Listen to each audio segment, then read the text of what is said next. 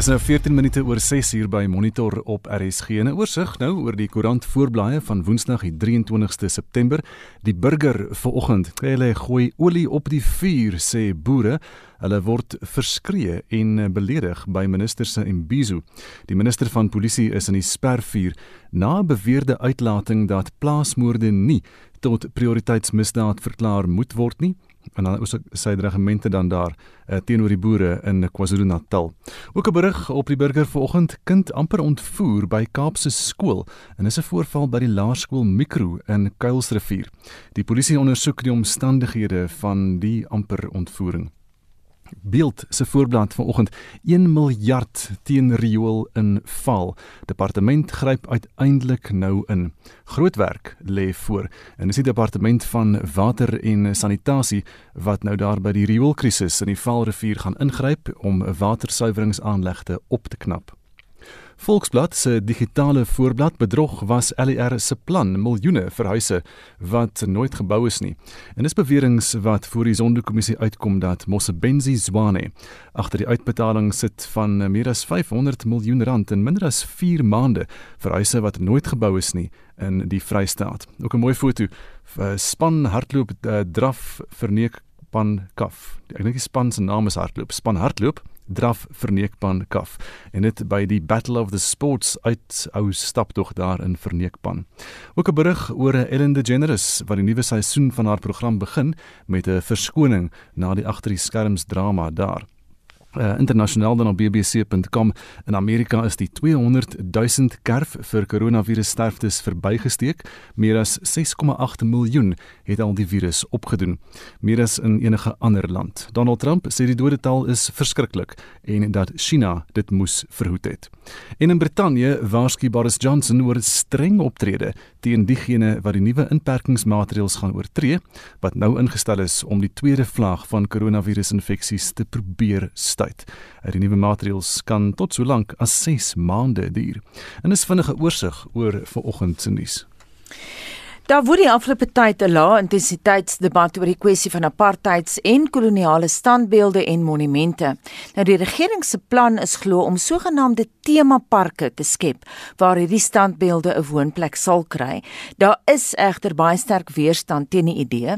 In die laaste halfuur van Monitor bekyk ons in diepte na hierdie probleem en ons wil weet vanoggend wat stel jy voor wat wat gedoen moet word? Stuur vir ons 'n SMS na 45889 dit kos R1.50 of gaan na facebook.com vorentoe skynstreep ZRC of WhatsApp vir ons stemnota na 076 536 6961 076 536 6961 Dis nou 17 minute oor 6 en een van die beskuldigdes in die Nathaniel Julius moordsaak, Kayleen Whiteboy, het aan die Protea Landdroshof in Johannesburg gesê haar medebeskuldigde is besig om haar valslik te impliseer en dat sy doodstrygemente ontvang. Drie polisiebeamptes het om borgtog aansoek gedoen. Die staat staan borgtog te. Die beamptes staan reg op aanklagte van moord, die afvuur van 'n vuurwapen en die besit van onwettige ammunisie en regsveruideling. Die hofverrigting het laat begin. Inwoners het in groot getalle opgedaag om die familie te ondersteun en geregtigheid vir die vermoorde tiener te eis. Weens die baie mense en COVID-19 maatreëls kon belangstellendes, gemeenskapsleiers en ook die media nie die hof binne gaan nie. Inwoners en die polisie het buite die hof gestry.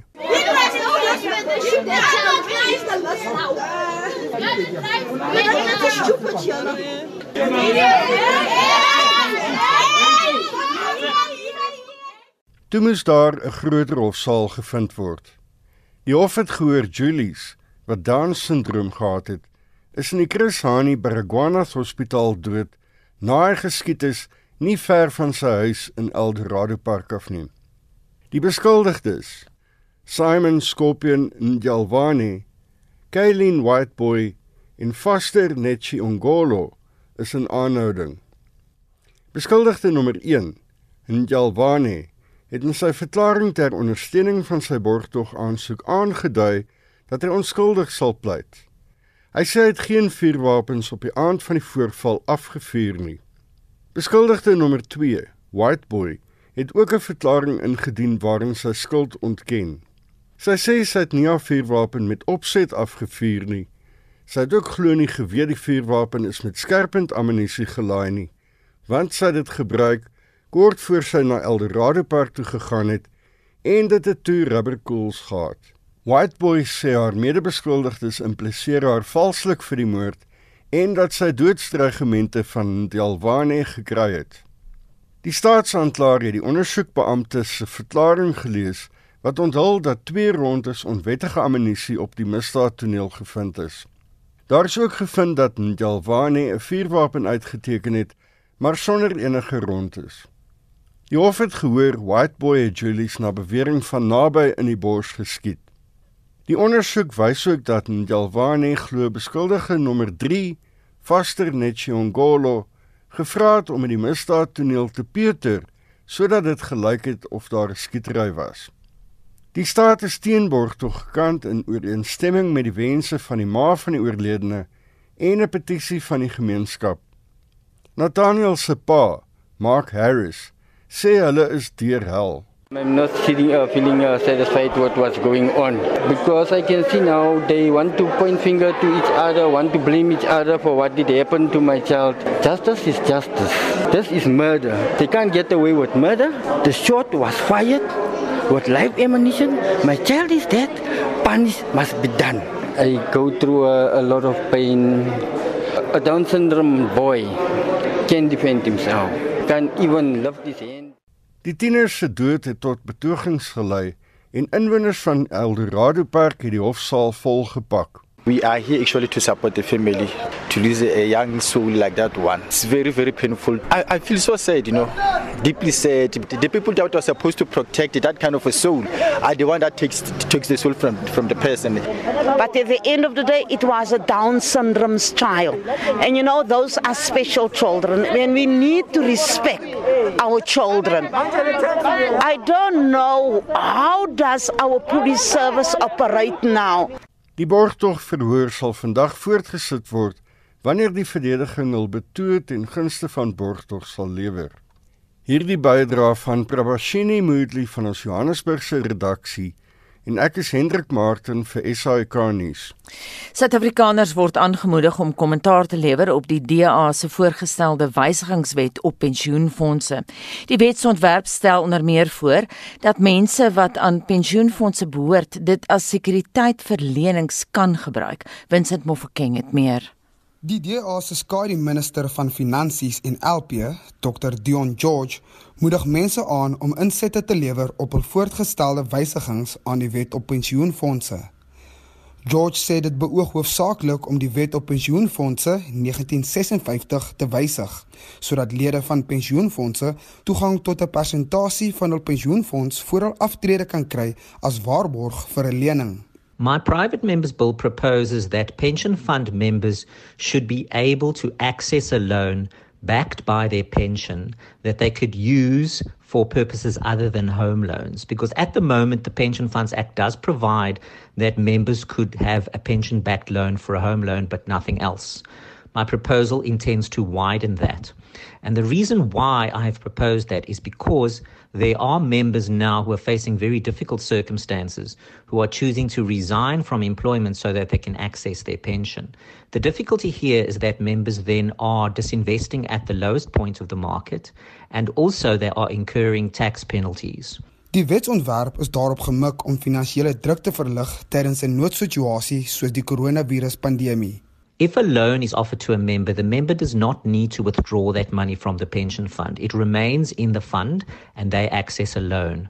It is possible then for a loan to be constructed in a creative way. So, for example, the period of repayment could be longer or the repayments could be deferred. As the market improves itself, it could also be creatively designed in such a way that market returns would then pay off the loan, etc. So there are many possibilities. So this legislation basically is enabling legislation so that each registered fund would be able to look at the fund, at the membership, and decide for itself what they think they would be able to make available to members. Die ongelukkige uitbreek van die COVID-19 pandemie het die land se ekonomie 'n verlammende knou toegedien en baie Suid-Afrikaanse families in 'n finansiële verknorsing gelaat. George sê 'n reddingsboei soos hierdie sou baie gesinne red. And the members who will benefit from this are ordinary employed South Africans who are battling now under circumstances of COVID because of various circumstances that are arising in their families. Also, members who are self employed, who have retirement annuities, are at the moment unable to access any money because their businesses, for example, might not be generating anything. If they were able to access a loan that perhaps was deferred over time, it would then give them some kind of relief under these difficult circumstances. Die wetsontwerp is nou beskikbaar vir openbare kommentaar en insette. For my private members bill, I've also chosen not to introduce the bill directly into Parliament, but rather to allow public participation for a period of 30 days so that the public can give inputs into the private members bill and then I can make the necessary changes based on input that I've received before it gets introduced to Parliament. So anybody who would be interested in having a say about whether funds should be permitted to allow loans of this nature to members or whether any other changes should be proposed to legislation. They can comment for 30 days. Dit was Dr Dion George, 'n DALP en skadu minister van finansies. Ek is Vincent Mofokeng vir SAICanis. Estie Anita Joanita Raad po, Povrosnik sê temaparke sodat al die standbeelde op een slag verniel kan word, stuur die standbeelde na Orania. Hulle sal dit ten minste bewaar en in stand hou. Larry Grywenstein laat weet, hou op om mense uit die verlede te vereer. Kom ons fokus op en nou en kom ons fokus op die nou en bou die toekoms. Heldeakkers is die plek vir helde uit die verlede. Leef vandag en beplan vir môre. Michael van Multus skryf: As alles nou geskuif is of vernietig is, wat bly oor behalwe jouself wat in dieselfde lig gesien word met geen identiteit of geskiedenis nie. En dan sê Barend van der Merwe op ons Facebookblad: Ek het tot die slotsom gekom dat die standbeelde jou meer vertel oor die mense wat die standbeeld opgerig het as oor die persoon wat die standbeeld self verteenwoordig. Ons Afrikaner standbeelde vertel die storie van 'n soeke na identiteit, die verromantisering van historiese gebeure, oorloë en mense. Persoonlik het ek nie veel sin aan standbeelde van mense nie. Gee my die gee my die vroue monument in Bloemfontein wat die tragedie van die konsentrasiekampe herroep. Ons beeldskone kerke reg oor die land is ook wonderlike monumente. Wat om te doen met die koloniale monumente wat aansoot gee? Ek is nie heeltemal so gemaklik met spesiale parke nie. My rede, die erfenis en die geskiedenis se doel is om in om in te lig, kennis en empatie te bevorder en ook om te vermaak.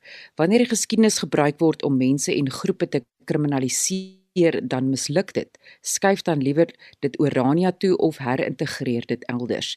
Elke monument het sy eie meriete. Die regering het nie die bronne of kapasiteit om die erfenis behoorlik te bestuur nie. Ek het self daarin gewerk. Die toegewyde erfenisamptenare probeer hulle bes onder moeilike omstandighede met druk van alle kante. Ons gesels vanoggend oor die onderwerp daar woed die afgelope tyd 'n lae intensiteitsdebat oor die kwessie van apartheids en koloniale standbeelde en monumente en die regering se plan is om glo sogenaamde temaparke te skep waar hierdie standbeelde 'n woonplek sal kry. Daar is egter sterk weerstand teen die idee. Wat stel jy voor moet gedoen word? Stuur vir ons 'n SMS na 45889 onthou dit kos R1.50. Gesels saam op ons Facebookblad by facebook.com vorentoe skynstreep ZARSG of WhatsApp vir ons stemnota na 076 536 6961. Dis nou 22 minute voor 7 en ons beweeg na die sportveld met Shaun Jooste. Kom ons val weg met cricketnuus. Die Rajasthan Royals het die Chennai Super Kings in gister se IPL wedstryd in Sharjah met 16 lopies geklop. Die Royals het op 216 vir 7 geëindig met Sanju Samson wat 74 lopies van net 32 balle aangeteken het. Die Super Kings is op 200 vir 6 beperk met Suid-Afrika se Faf du Plessis wat 72 lopies van 37 balle gemoker het. Die Kolkata Knight Riders en Mumbai Indians pak mekaar vanmiddag 4uur in Abu Dhabi.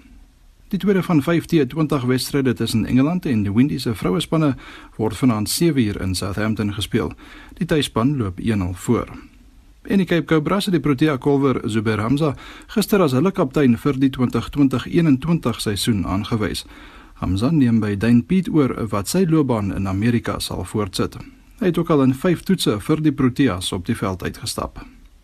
Op die tennisbaan in die eerste ronde van die Hamburg Ope in Duitsland is die Rus Daniel Medvedev gister in twee stelle deur die Fransman Hugo Humbert uitgeskakel. Die Rus Karen Khachanov het die Duitser Jan-Lennard Struff in 3 stelle en die Italiaaner Fabio Fognini het nog 'n Duitser Philipp Kohlschreiber ook in 3 stelle uitgeskakel.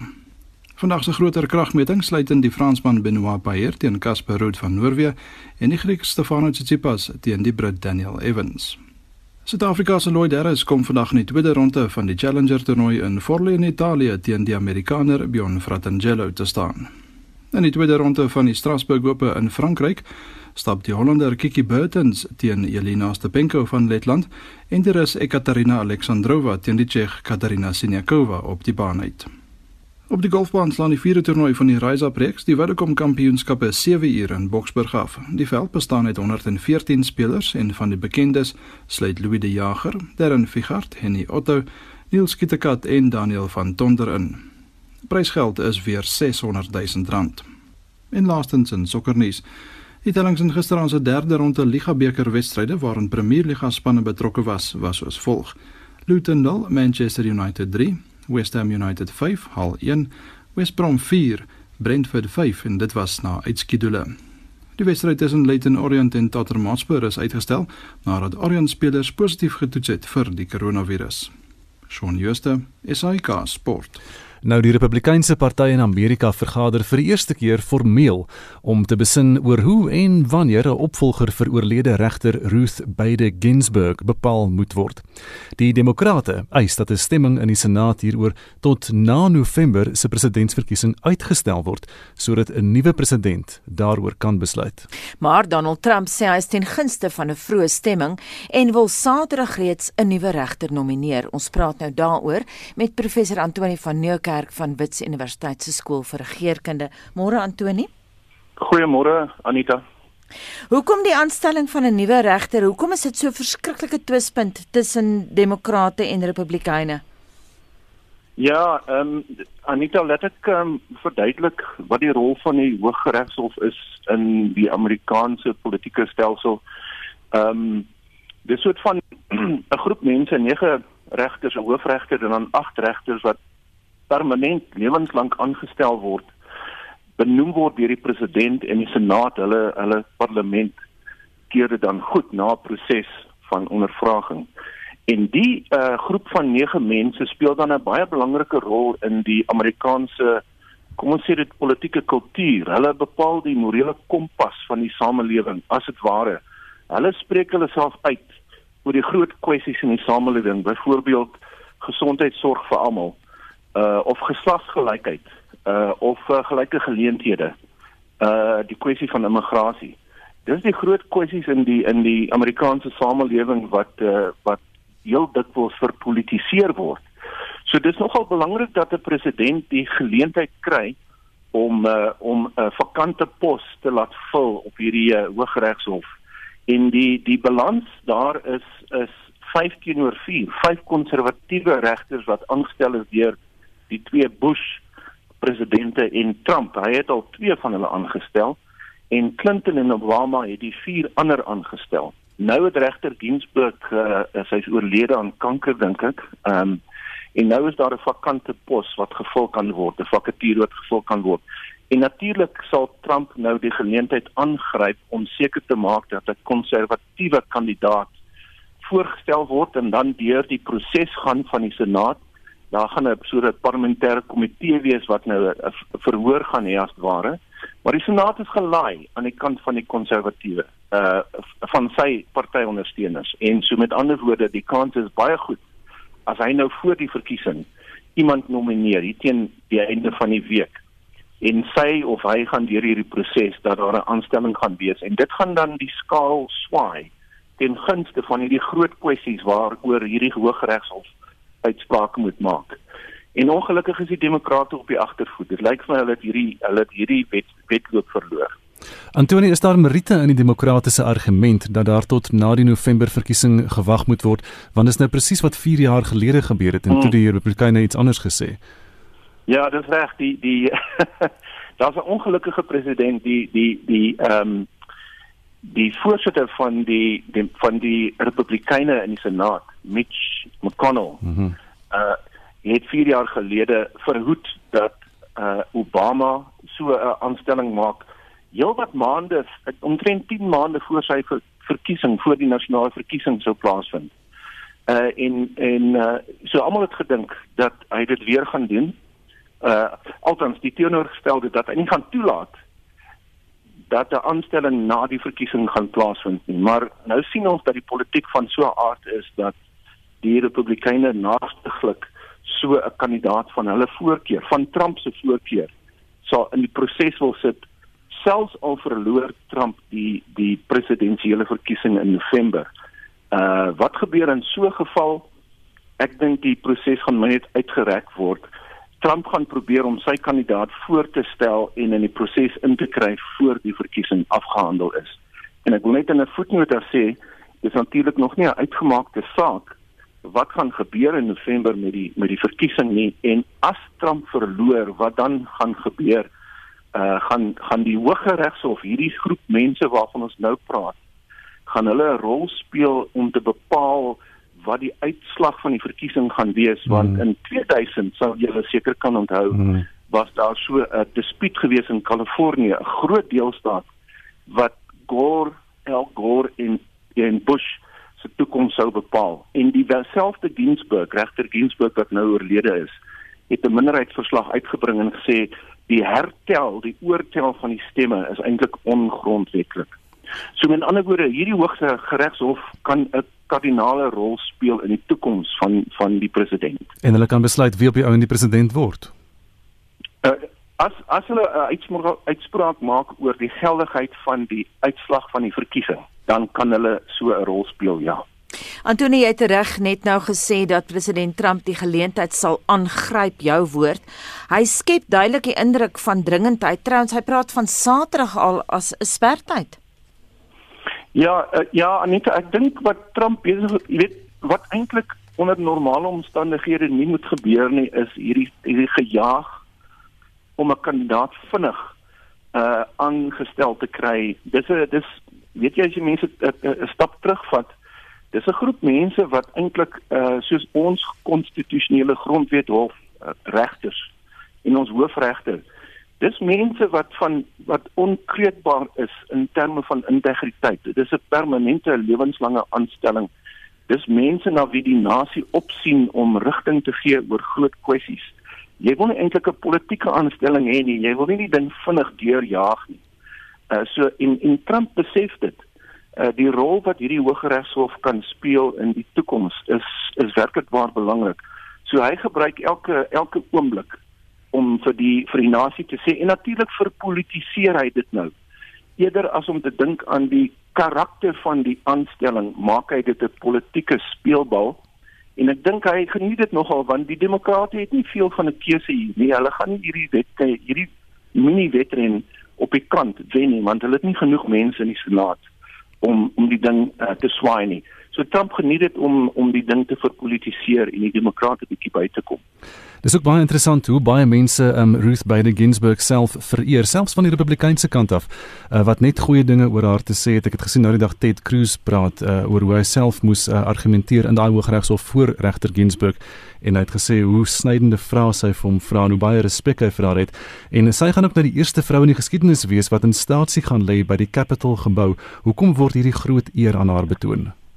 Ja, sy sy sy's 'n 'n 'n stryder gewees vir vir nie net menseregte meer nie maar ook minderheidsregte en mense as ook kan sê dat sy 'n unieke tipe van feminis was wat 'n rol gespeel het op die op die regsbank. Ehm um, en sy was ehm um, sy het altyd baie netjies aangetrek. Ons het seker almal foto's van haar gesien. Sy word daar ook daaroor ook vereer. Sy statuur uh en diepte verleen aan die pos en as 'n as 'n vrou en 'n Jood het sy regtig waar voorbrand gemaak vir vir minderheidsregte. Uh en ek dink mense het haar daarvoor uh gerespekteer. Sy was ook iemand wat 'n onafhanklike stem gehad het. So alhoewel sy na die demokratiese kant die liberale siening van die lewe geleun het, het sy uitsprake gemaak uh op Marite en nie altyd saamgestem met die ander regters nie. En ek dink dit het van haar nogal 'n unieke karakter gemaak. Baie dankie dit aan die mening van professor Antoni van Nieuwkerk van Wits Universiteit se skool vir regeringskunde.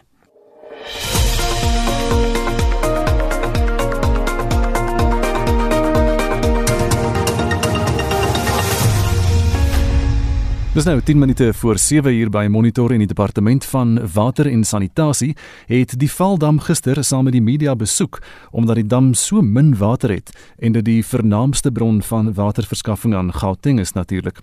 Waterkenner Mike Miller sê dit is goed dat die Valdam stelsel deel van die erfenismaand program is, maar sê dat dit nie die aandag van die swak waterbestuur in Suid-Afrika moet aftrek nie.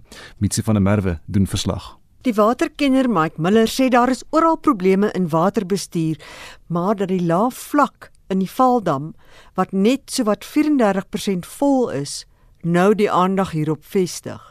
Tog glo hy dat dit nie die grootste bekommernis hoef te wees nie.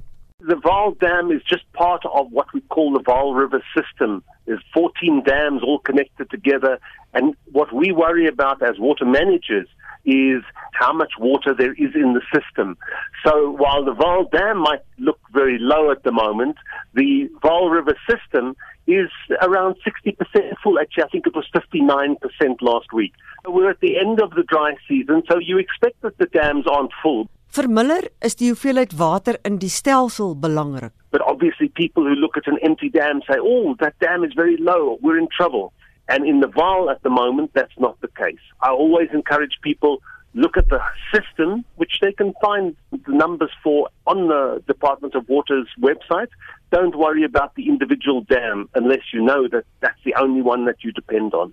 Hy sê die werklike hindernis is dat daar nie by die planne gehou word om water aan die Valdam te gee nie. There's a project to build a new dam in Lesotho, the Potihadi Dam, high up in the mountains, which will provide more water for the Vaal River system.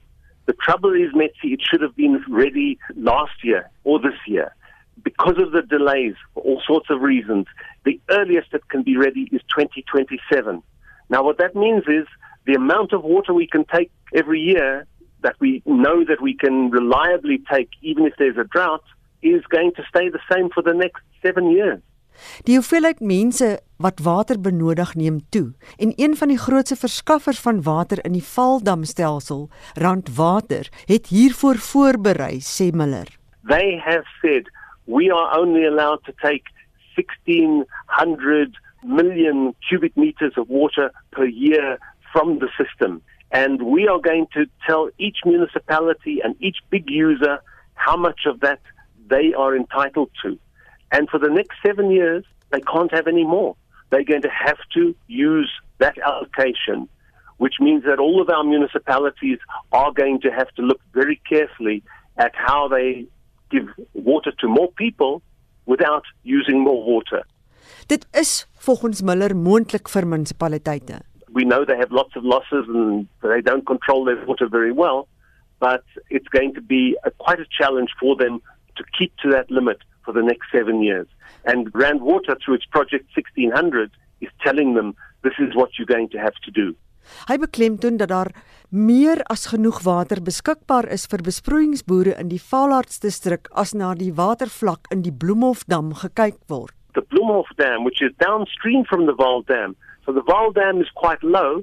Bloemhof is over 90% full.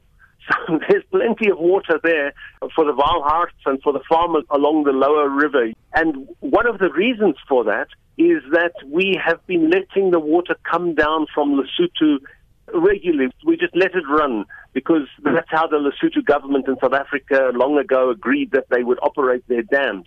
Hy sê water word na die Bloemhofdam gepomp, selfs al is dit nie nodig nie. One of the things that will be happening when we build Podihadi is we will negotiate with the Lesotho government to hold the water up high where it doesn't evaporate and only let it down when we need it. that will definitely help us here in the Vaal. But once it's in the Bloemhof Dam, it would be very difficult to bring it back to use up in Johannesburg, but it's available there for those farmers downstream. Miller is van mening dat daar genoeg water in die Oranje rivier is om die Nelson Mandela Bay metro te voorsien. Maar hy sê dit kan nie gebeur as niemand die pyplyne en behandelingsstelsels vroegtydig daarvoor bou nie. You can't just build one dam and then wait for that to fill up and empty and keep on forever assuming you don't need to do anything new. So wherever you are in the country, Cape Town discovered this the hard way. Nelson Mandela Bay is discovering this the hard way. Polokwane is going to run into trouble. Ebenezer Dam, which supplies most of Polokwane, is down much lower than most places. It's down at about 12%. There's no shortage of water, but we have to do what's necessary to make that water available. Hy's verder oortuig daarvan dat daar genoeg water in die meeste dele van Suid-Afrika is, die Karoo en ander droogte getuisterde gebiede uitgesluit. So people who say there's not enough water are quite honestly talking nonsense. People who say that the water isn't being properly managed and we're not doing the right thing at the right time are spot on. And that's what we need to concentrate on. Doing the right thing at the right time, in the right way, and most of the country doesn't have a problem. Hoewel die departement van water en sanitasie volgens Miller verantwoordelik vir die bou van damme en die meeste infrastruktuur is, moet munisipaliteite in sommige gevalle ook inspring. But to be able to do it, they have to get agreement. Now, if you look at the situation in Cape Town, the Cape Town municipality said at the time back in 2013, 2014, we think we don't need any new water for the next 10 years. And they were wrong. And since they were going to have to pay for it, that's how things turned out. They're now spending a lot of money trying to build things that they were told they really needed to build five, ten years ago. Dit is wel die departement van water en sanitasie se verantwoordelikheid om die infrastruktuur vir water na Suid-Afrika vanuit Lesotho te bou en te bestuur sê Miller. This is just the Department of Water and Sanitation working with the government of Lesotho that was terribly badly delayed under the time of Minister Nomvula Mokonyane for all sorts of bad reasons. In the early funds for Polokwane, the mines need a lot of water. They must be part of the process. And that requires quite a lot of hard negotiating work between the city and the mines and the farmers and the poor communities living up in those parts of Limpopo. And that is hard negotiating work which should be led by the Department of Water and Sanitation. Hy voel dat dit een van die regering se strategiese projekte is wat prioriteit behoort te geniet. That the minister must coordinate with all the people involved and I think that's where we've been falling down recently. Die vraag is tot watter mate die swak bestuur in die departement van water en sanitasie onder die voormalige minister Nomvula Mokonyane bygedra het tot die stand waarin waterbestuur nou is.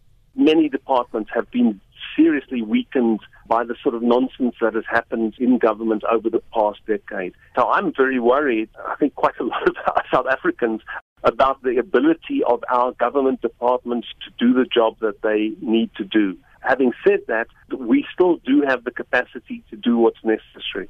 And what's important is that every sector of society, the farmers, the municipalities, the big industries, Sasol and Eskom are actually very active in water management, but also just the ordinary citizen must be asking the question, how are we going to make sure we have our water not just tomorrow, but next year and for our children as well?